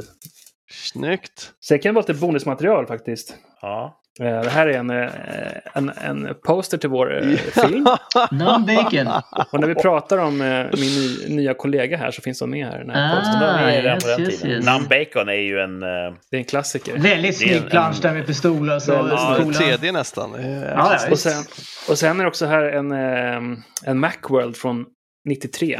Och då 400 megabyte för 10 000 kronor. Ett rimligt pris på då en extern hårddisk. Min första hårddisk kostade 5 000 kronor och den var på 52 megabyte. Ja, Jesus. det är kul. Också sen här har vi också en, eh, förlåt nu fortsätter jag, men det här är också en, Nej, en gasen alltså. telefonbok. Eh, från, ja, man skriver ner saker i en telefonbok. Och kan man till exempel hitta Eh, telefon. Visa hittar inte man, det för tittarna. Nej, det är dina gamla telefonnummer på landet. Vad tog du vägen, Kurt? Ja, ja. Jag På la den någonstans. kanske? Eller L. Ja, precis. Här. Eller B som är bästis. Var number one att... kanske? eh, Första sidan? Ja, jag hittar inte det. Skitsamma. Just det nu var i sitter alltså fall Martin och eh, bläddrar i telefonböcker för This is good här i rikssamtal. sorry. Jag lägger ner. Men det var kul i alla fall. Man hittar massor med gamla kompisar från förr. Mm. Prova att ringa. Jag förstår precis den, den upptäckarglädjen. Jag hittar en Ja. sån kartong ibland Mm. med gamla skolböcker och... Ah, jag kan sitta i timmar och bara... Ja, precis. Ja, här hittade jag ditt, din, din, ehm, Ja. ehm, Då var det ditt, ditt dataabonnemang hade jag här och jag hade ditt mobilnummer och ditt eh, din Siemens-nummer också. alltså ditt, till din Siemens-telefon också. Ja, just det. Min första mobil. Du hade för fyra olika nummer här. Så det är spännande. Ja. Det finns lite mer jox här, men det skiter vi i nu. Så det var min topp fem-lista med gamla, gammalt eh, jox Ja, från man har ju förr. mycket i den där minneslådan alltså. Mm. Det var en bra topp fem. Ja, jag känner var jag själv att jag var glad i kroppen. Mm. Ja, Sekundärglad av din rota. sentimentala djupdykning. ja. Ja, nice. Ja. nice. Någonting som eh, brukar kunna dämpa glädje. Det är ju två av tre. Vår kommer- klassiska tävling. Oj, oj, oj. Och nu ska det bli kul, för nu är det ju tre tävlande helt plötsligt. När vi har Ja, just det. Fan, vi kan helgardera. Ja, det kan vi faktiskt göra. Men tänk om Kurt slår ut alla. Mm, jag Skulle, det att skulle han- inte förvåna mig. Det skulle inte förvåna mig ett dugg. Inte jag heller. Jag, Han kommer eh, sova så jävla gott om han gör det. Han kommer... Eftersom jag visste att Rolf eh, skulle gästa idag och eh, jag visste att det, liksom, det är mycket, mycket konst, mycket uttryck, mycket kreativitet. Så har jag valt att idag ska vi tävla kring två av tre otroliga påståenden om baseball. Jag visste det. Yes! I knew it. Mitt andra favoritämne. Gillar ni baseball? Absolut. Ah. Det jag tycker är kul är bada, bada, bada, bada, att swing, eh, i Japan är de jätteglada i baseball. Ja, det. Just det. Och det är ju... De sticker in- inte under stol med att det är en importerad sport, att det är en amerikansk sport. Men de är bara så här, de älskar baseball. De älskar har gjort också den till sin- eh, väst, västerländsk kultur, eller typ just USA. Ja, de är väldigt så här, de, de gillar eh, sånt. Så att, Mm. eh, men vi ska prata om eh, två av tre otroliga påståenden om baseball för nytillkomna lyssnare. Det här är en tävling där jag kommer säga tre stycken påståenden om baseball. Två av dem är helt sanna. Bombis. Eh, men ett påstående har jag hittat, hittat på själv. Det är liksom helt fel, falskt. Uppdiktat. Och det är upp till eh, grabbarna här, Martin, Thomas och Rolf, att lista ut vilket ska bort. Och det är alltså det som är felaktigt som ska bort. Och nu Rolf, får du se hur jävla lätt det är i direktsändning.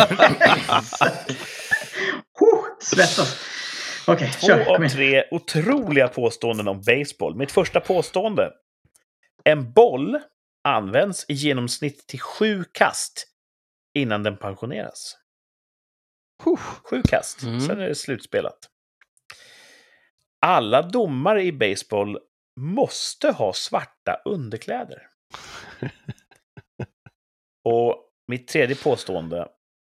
Den första halalbollen tillverkades först 1992. Vad är en halalboll då? Vet man det? Eh, Med inte kohud då? Ja, när, när, när tillverkade den sa du? Vadå? 1992 kom den första halalbollen. Halalboll? tidigt, Vad tycker skulle jag. det vara att, att, att det skulle vara inte... jag förstår inte. Ja, men det, det, alltså, själva skinnet de har använt antar Ja, jag. typ, ska man ha grisskinn då eller? De har slaktats rätt. Jaha, att man slaktar en ko med på då. Precis. Så att, okej, då är jag med. Vilka jävla... Två av tre. Två av de här är helt sanna, hur otroliga de än låter. Men en är falsk och den ska bort. Den här sju kast skulle, tror jag på, men det skulle lika gärna kunna vara så här. Nej, det är faktiskt fem kast, sen pensioneras den. Därför är det inte sant. Det Låter vore- jag så för dig? jag tror det Det var samma med, halal, spot on i, i, med halalbollen. Nej, faktiskt, det var 2005. Eller? Vi tar en snabb genomgång då. Påstående nummer ett. En boll används i genomsnitt till sju kast innan den pensioneras. Mitt andra påstående. Alla domare i baseball måste ha svarta underkläder. Och slutligen, den första halalbollen, halal-basebollen, tillverkades först 1992. tillverkades Ja. först som om det skulle vara... Fan. De kanske har velat spela länge men inte har kunnat för att det fanns ingen boll som var halal. Ja, Jag tänker snart att, uh, att det kommer in en spelare som kräver det i USA. Um, inte kosher då. Ja, det har de inte släppt än. Ja, jag, jag påstår att uh, svarta underkläder är falskt. Den ska bort. Okej. De är ju väldigt eh, superstitious, alltså det är just med att man ska ha Ja, det- matchkallningar och här grejer. Men jag vet inte om just regler för domarna i frågan. Allt skulle kunna vara sant. Ja. Alltså, det är det som är så svårt med den här tävlingen. Ja, det är precis. Det är inte så lätt om man verkligen sitter i hettan alltså. jag är så jävla nöjd Kurt. Fan. Ja. Om, eh, om det vore lätt, då kunde vem som helst göra det. Exakt. Ni är ju de tre utvalda, ni är eliten. Jag tror att eh, kalsongerna ska bort. Kalsongerna ska bort. Samma som jag. Ja, Då har vi två stycken som tror att alla domare i baseball, de måste inte alls ha svarta underkläder. Tror jag. Det, är fritt Jag, jag vill gärna ehm, säga det också, men jag säger um, ko kosherbollen där. Halalbollen. Halalbollen. Martin tror inte att den första halalbollen kom först 92. Nej. När tror du att den kom? Finns ingen Nej, halalbollar. det är, det är väl så tror jag fan också. Det låter gott, halalboll. Precis, får man säga det land? Ja, intressant. Då har vi... eh, Ja, då har vi- vi, vi noterar. Alla Martin kan säger förlora helt enkelt. Halalbollen ska bort. Ja, fan nu hoppas vi på det här. Domare i baseball måste ha svarta underkläder. Falskt, säger Thomas och Rolf. Yes. Då gör vi så här. Vi ägnar en tanke åt våra lyssnare. Ni som vill vara med och tävla, ni får chansen nu att trycka på paus, gå in på Rikspodd på Instagram. Och där, i vårt kommentarsfält, så kan ni skriva vad ni tror. Eh, en boll används i genomsnitt till sju kast innan den pensioneras. Ska det bort? Eller är alla domare i baseball måste ha svarta underkläder falskt? Då ska det bort.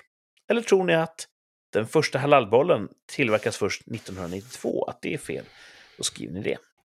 Nu kommer svaret. Nu blev jag jätte... Eh, eh, med dessa andra. Jag vill nästan säga bollen. Nej, okej, jag kör, jag kör på den Du sista. sa ju där. bollen. Ja, men den första bollen.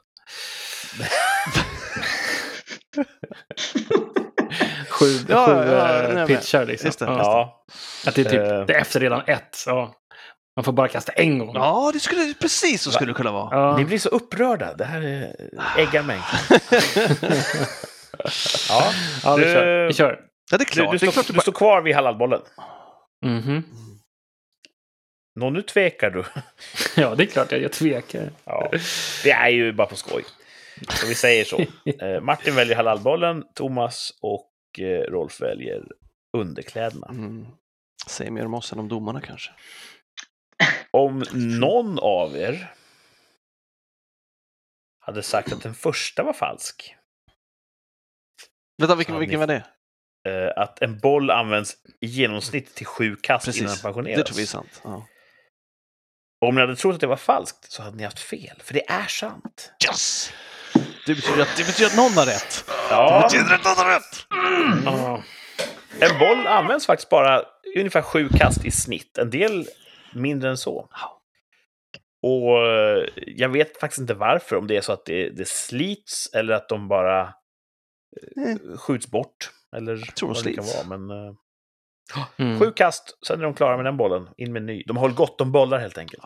Mm. Ja. Då innebär det att antingen så har Martin vunnit. Nej, jag inte Eller så har. Thomas och Rolf vunnit. Mm. Vet ni när den första halalbollen tillverkades? Vi tror egentligen inte att det tillverkades någon, men om den tillverkades så- så var ju det först 92. Mm, mm. Jag instämmer. Mm. Men Martin håller inte med där. Jag ska inte hålla dig på halster. Det finns inga halalbollar. Nej! Nej! Så Martin har vunnit bra! Bra Martin! Tack. För alla domare i baseball måste ha svarta underkläder. Eftersom de har svarta byxor och ofta måste böja sig ner för Ah. att se att kastet går inom kastzonen. Mm. Om de då skulle råka spräcka sina byxor så ska inte det framgå Ah, för den, okej. den puritanska publiken. Så det är alltså en regel, inte bara superstition. Det är en Det är en regel. Alla Ja. domare i baseball måste ha svarta underkläder.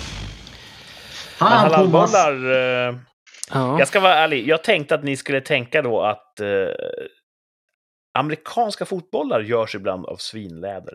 Ja, just Man snackar om the pigskin. Just det. Mm. Eh, men basebollar görs av häst eller kohud. Så att det skulle vara orimligt att göra en halalboll. Men alltså halal, är inte det att man slaktar på ett speciellt sätt? Eller är det just griskött? Eller alltså... Halal, halal betyder ju bara eh, tillåtet. ah, okej. Mm. Så att om det hade varit en grisboll så hade den varit haram. Ah, I see. Men jag tror... Ja. Tänkte också Det att det var... Att... en men halalslakt, visst är det också? halalslaktad kossa liksom. Ja, det var Ja. ju... Ja, alltså de har ju många regler och en av reglerna är att den ska slaktas på ett visst sätt för att vara tillåten, det vill säga. Mm. halal. Mm. Men fläsk kan man säga är haram hur den gör. Ja, Mm. precis. Mm. Precis. Men det var det var Martin var inne på, att även om det, det är ju inte pigskin, men eh, däremot så ska man vara tillverkad av ett djur som är halalslaktat. Så det, det, Men visste Martin att det inte var svinläder? Du, Jag tror, inte, jag tror inte att det var... Jag trodde att det var ko. jag är rätt säker på att det är ko också. Ja. Ja, ja. Vad ni vet då? Ja. Mm. Det här måste du googla sen Kurt, Kurt alltså, på din... Nej, jag, Wikipedia. jag helt Ja, tänk, om det, ju ko tänk om det fucking finns en halalboll. ja. Go- Googla inte det. det, det finns... Ja, men Ja, bra Martin. Bra Martin. ja. Kul att någon vann. Ja, exakt så. Det hade varit... Det hade blivit så dålig stämning om tre stycken tävlande och tre alternativ och ingen vinner. Mm. ja. Jag måste ju säga att jag som, som jag, jag skäms ihåg för alla eh, samtliga lyssnare. Jag ber om ursäkt. Jag eh, kommer nog aldrig bli inbjuden igen och eh, jag får stå mitt kast. Kurt tycker om samtidigt, Thomas är glad att, att någon fick komma hit från, från gatan och uppleva hur svårt det kan vara. Exakt. Det är sant. Det är sant. Mm. Jag tror Thomas är den som tar mest illa vid sig av, av förlusten. Jag tycker det är en jävla tävling alltså. Det är ju det som är en av höjdpunkterna i veckan. Det är hur arg kommer Thomas bli? Eller hur ledsen kommer han bli på sig själv? Eller hur så- glad blir han fast han har förlorat? Ja, jag fattar ju det heller! Som det här. Jävla- Borde lägga ut äh, videofeeden på den här. Åh. När Thomas tror han har vunnit i två sekunder. Man börjar ju varje måndag med liksom, det är ett känslosvall som går på 0 till 100 och det är alla toppar och alla bottnar samtidigt. Det är helt amazing. Vi ska ge ut sen eh, riks, rikssamtals eh, Kamasutra. alla olika sätt som Thomas kan missförstå två av tre på. Ja, men kan, om jag skulle ha en YouTube-kanal till exempel. Det finns, man kan liksom, det finns så här 24 timmar med Arnold Schwarzenegger när han bara... Det kan ha en liknande fast med Thomas reaktioner till den här tävlingen. En supercut. supercut. Ja, Supercut, precis. Det, är, det är bra content. Jag vet inte. När Thomas Lee går från liksom topp till botten på en sekund. Men det Vad är bra topp? Thomas. Veckans du, topp, jag trodde jag eh, vann. Veckans botten, jag vann inte. That's Du behöver odla ditt personliga varumärke. Så att du får fler roller. Så att jag tror en supercut av dig när du bra. missförstår Mm. tävlingen är precis det- vad ditt exakt. brand behöver. Så kan det vara. Eh, lita på oss. Vi- fixar det Vill här. alltid mitt bästa. Ja, på något sätt. Eh, hur kul det här än har varit så är vi alldeles strax i mål tidsmässigt för det här avsnittet. Innan vi lägger på luren, så att säga, ska vi klara av ett tvärsäkert uttalande. Och vad kul att Rolf är med den här gången också. Ja. Nice, nice, nice. Eh, då måste vi som sagt eh, om maximalt ett år då även hålla dig till svars. Mhm, precis. mhm, mhm. Och för Rolf och eh, för våra lyssnare ska det då vara repetition. Vad är tvärsäkert uttalande? Jo, vi eh, tar en aktuell frågeställning, någonting som inte är avgjort än. Och så uttalar vi oss en och en tvärsäkert, ja eller nej, kring den frågeställningen. Och sen kommer vi i framtiden följa upp. Hade vi rätt? Hade vi fel? Och det viktiga här är att man får inte sitta på stängslet. Man får inte vara så här, ja, kanske. Utan tvärsäkert ja eller tvärsäkert nej. Mhm. Mm. Eh, vad tycker ni om vattenskotrar? Jag tycker om vattenskotrar, men sällan förarna. Mm. Det har ju varit, framförallt då i Storstockholmsregionen, har det varit en del eh, kontroverser kring vattenskoterförare som kör lite vårdslöst. Mm. Mhm. Mm. Det har varit en sommarsnackis senaste somrarna. Japp. Och vattenskotrar är ju äldre än så. Men eh, det har en, en ny trend kan man säga, att man, man far fram vårdslöst. Och regeringen har lagt ett förslag om att det ska krävas förarintyg för vattenskoter. Och det skulle träda i kraft redan i juni i år tror jag. Mm. Men sen på grund av covid så sköt de på det, så det kommer vara nästa år i maj så införs krav på förarintyg för vattenskoter. Och då finns det ju olika åsikter. Kommer det här verkligen hjälpa? De som är som värst, bryr de sig om vad Trafikverket säger? Ja. Och så vidare. Blir, blir, blir de snälla av en kurs? Mm. Liksom. Men min frågeställning är så här, kanske något morbid. Kommer någon bli påkörd av en vattenskoter i år? Åh, bra fråga. Så pass så att vi blir varse alltså Ja. riks, riksnyheter. Kommer någon bli påkörd av en vattenskoter i år? Året innan det blir eh, krav på förarbevis. Det var ju en dödsåkning förra sommaren. Mm. Men Eh, inte singelräcke då, utan det är någon annan som vållande.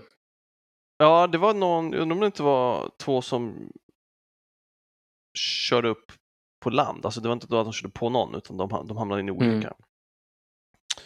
Eh, jag, s- åh, allting beror på sommarvädret.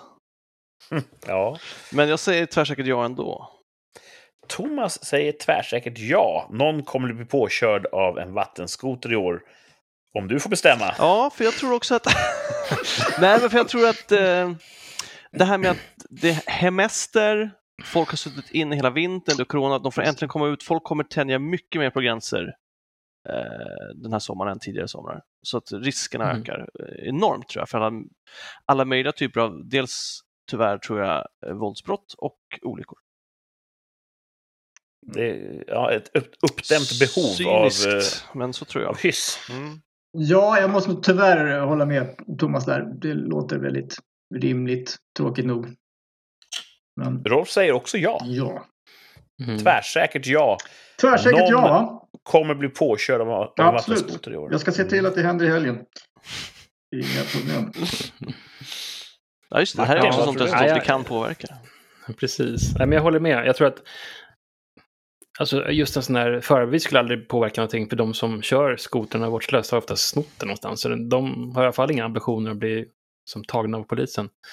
Eh, så jag tror att det kommer garanterat någon som blir påkörd. Eh, för det, kommer, det är så också uppdämt som du sa Thomas, att det är upphämt, uppdämt behov av att ut och bara röja. Ut och leva! Så att det kommer, det kommer gå åt fanders för någon. Ut och döda. Usch. Ja. Det Men säger jag ja. på Martin också. Men vi sa köra på, vi sa inte dödsfall. Ja, Nej, påkörd. Ja. påkörd. Men Martin eh, tror att någon kommer bli påkörd i år mm. och även nästa år. Du tror inte att den här eh, förarbevislagen kommer att... Jag tror den är tandlös.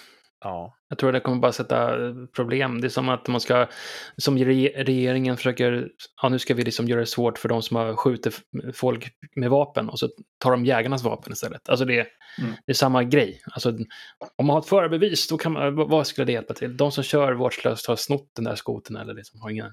Jag tror Mm. att det är de som är i alla fall värst, som håller på och kör runt kanotister och sånt där, de det är nog, ja, brottslingar från grunden.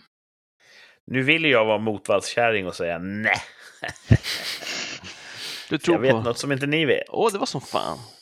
Men det kan jag inte. Jag måste säga ja. Du vet inget som vi... Jag vet ingenting. Eh, jag tror också att... eh, jag har inte tänkt på det på så sätt, men jag gillar hur ni, hur ni resonerar. Att det kommer kanske bli vildare än någonsin i sommar. Mm. Sen tänker jag också att just den här, eh, det här klientelet som buskör vattenskoter. Har de levt så asketiskt? Nej, de har inte heller brytt sig om restriktionerna Nej, de har inte det. Men de kanske inte har kunnat resa utomlands. Nej, men, de känner kanske bara någon sorts... De, känner av samhällets frustration. Ja, och det de, kommer ju också finnas fler att råka köra på. Mm. Ja, Ja, just det. det kommer vara trångt i badvattnen och... Eh, Folk vill visa upp sig. ja, jag tror inte att graden av hänsyn kommer att ha ökat så mycket som vi kan hoppas. Så ja, någon kommer bli påkörd av en vattenskoter i år. Det kan ni ta till banken. Take that to the bank. Och nu har vi fastställt det. Då kan ni ju alla som badar i sommar fråga, kommer det bli ni? Mm. Ja. Var försiktiga där ute. Om det blir ni, kom ihåg var ni hörde det först. Rikssamtal förutspådde det här. Ja. Jesus. Tack och lov har vi inte så många lyssnare, så att... Ja, ja, Då når vi vår varning inte ut så hårt heller. Det är kanske är synd. Nej, det här var ingen varning. Det här var mest bara något, så här, något, något spooky. Ja.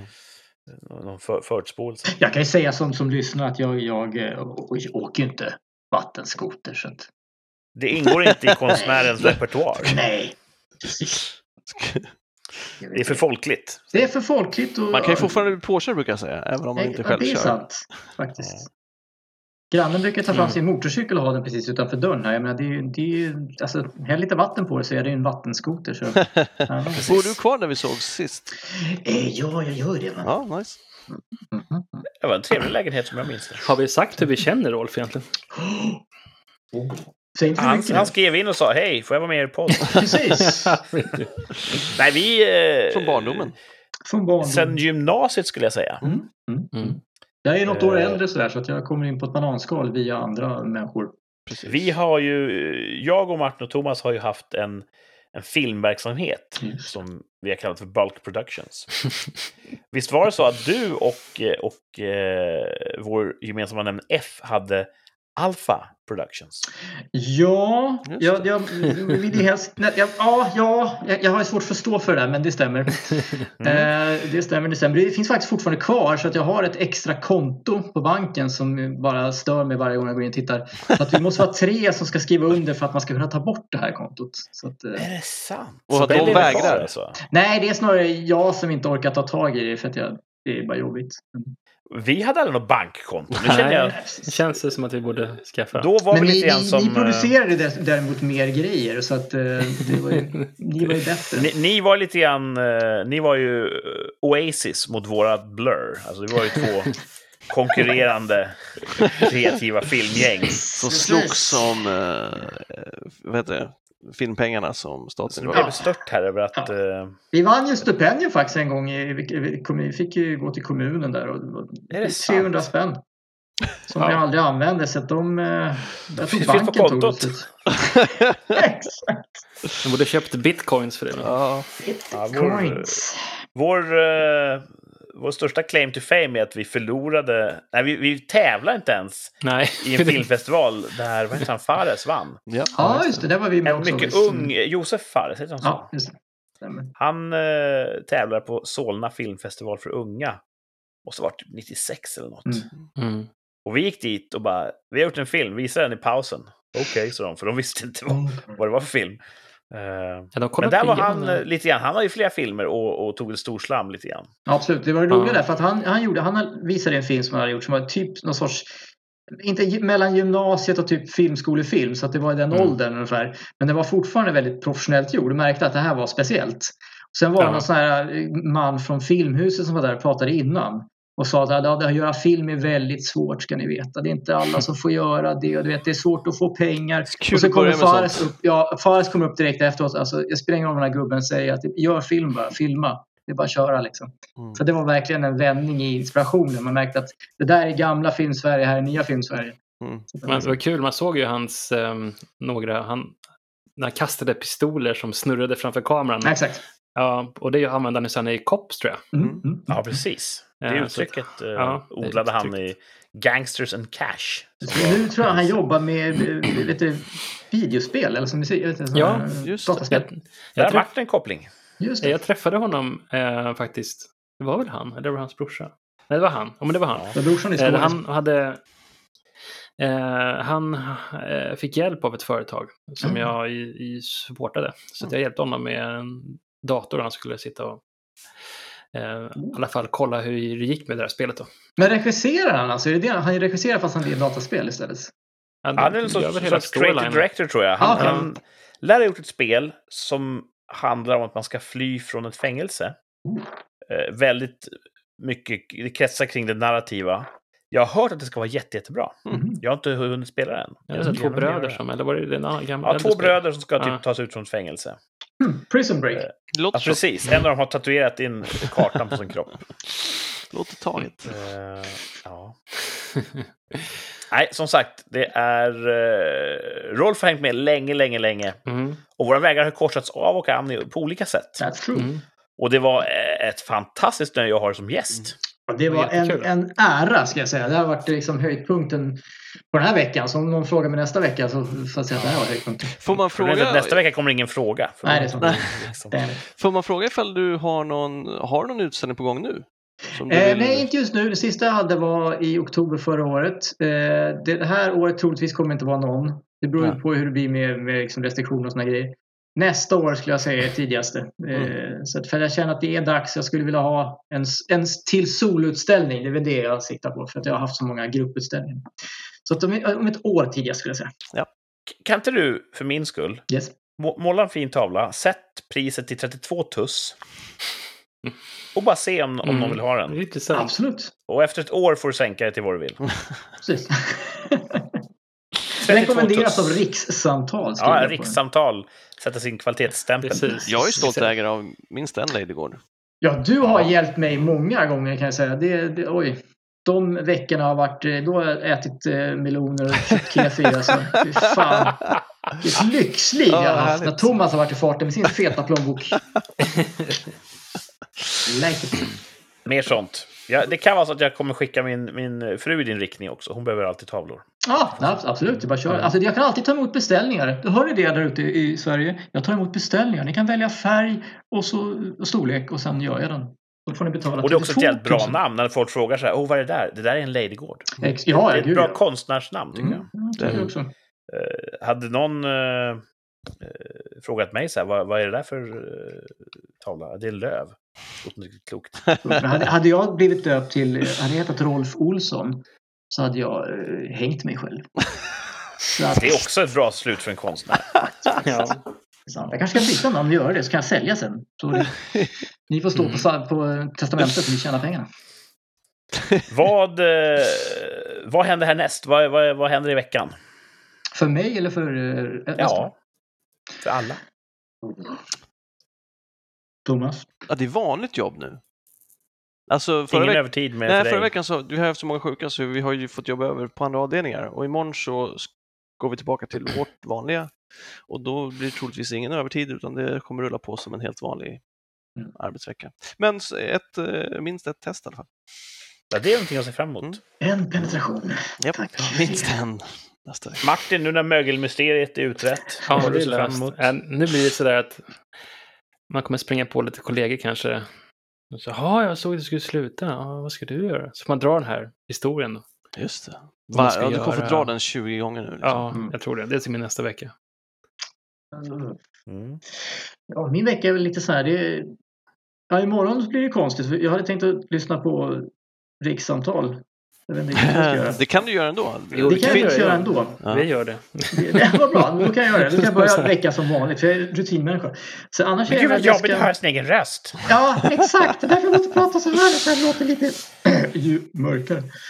Eh, Min vecka är väl att jag ska fortsätta med tecknandet och Ja. utveckla det. För jag har grejer som jag vill sätta igång med så vi får se. Att, jag hoppas att det håller.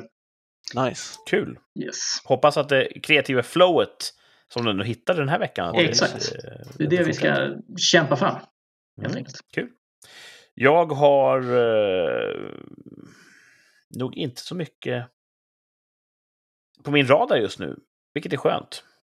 Eh, jag är ingen sån som planerar, jag har inga femårsplaner. Ibland har jag saker och ting som jag vet händer. Nu tror jag att jag kanske ska ha på en after work på lördag närmsta Va? kollegorna. Jobbar ni på lördag? Oj. Ja, det är ju efter fredagen. Så att det är Ja, det där- after Men alltså, shady, after alltså- work så verkligen fysiskt, ni ska träffas ett gäng människor. Ja, precis. Men det där är ju inte... Det, är det en officiell after work eller är det avdelning? Nej, det är bara vi i, i Kompisgänget. klicken. Ja, precis. The Rat Pack som vi kallar oss. Exakt. Ja. Arbetskompisarna. Lättpack. Vi ses ju rätt mycket ändå eftersom det är svårt att jobba på distans i, i mitt värv. Just det. Men uh, after work utlovat. Kalla det vad fan ni vill. Vi ska ses och, och, och skratta åt alla andra människor. Mm. Kompishäng. Det blir alltid roligt. Det blir nice. Trevligt. Eh, kollegor emellan. Kompis, arbetskompisar. Kompis. Men eh, det blir säkert någonting kul den här veckan. Eh, Vi kommer återkomma till det nästa vecka när vi fortsätter med ett eh, rikssamtal. Eh, stort tack till Rolf för att du tog dig tid att vara med. Mm, Rolf. grymt. Tack själv. Tack själv. Jätteintressant. Tackar. Och eh, du och alla andra får fortsätta lyssna nästa vecka när vi återvänder med ett nytt färskt rikssamtal. Tills dess, ha det så bra och tack så mycket för den här gången. Tack, tack. Hej då! Hej då. Hej då! Ciao.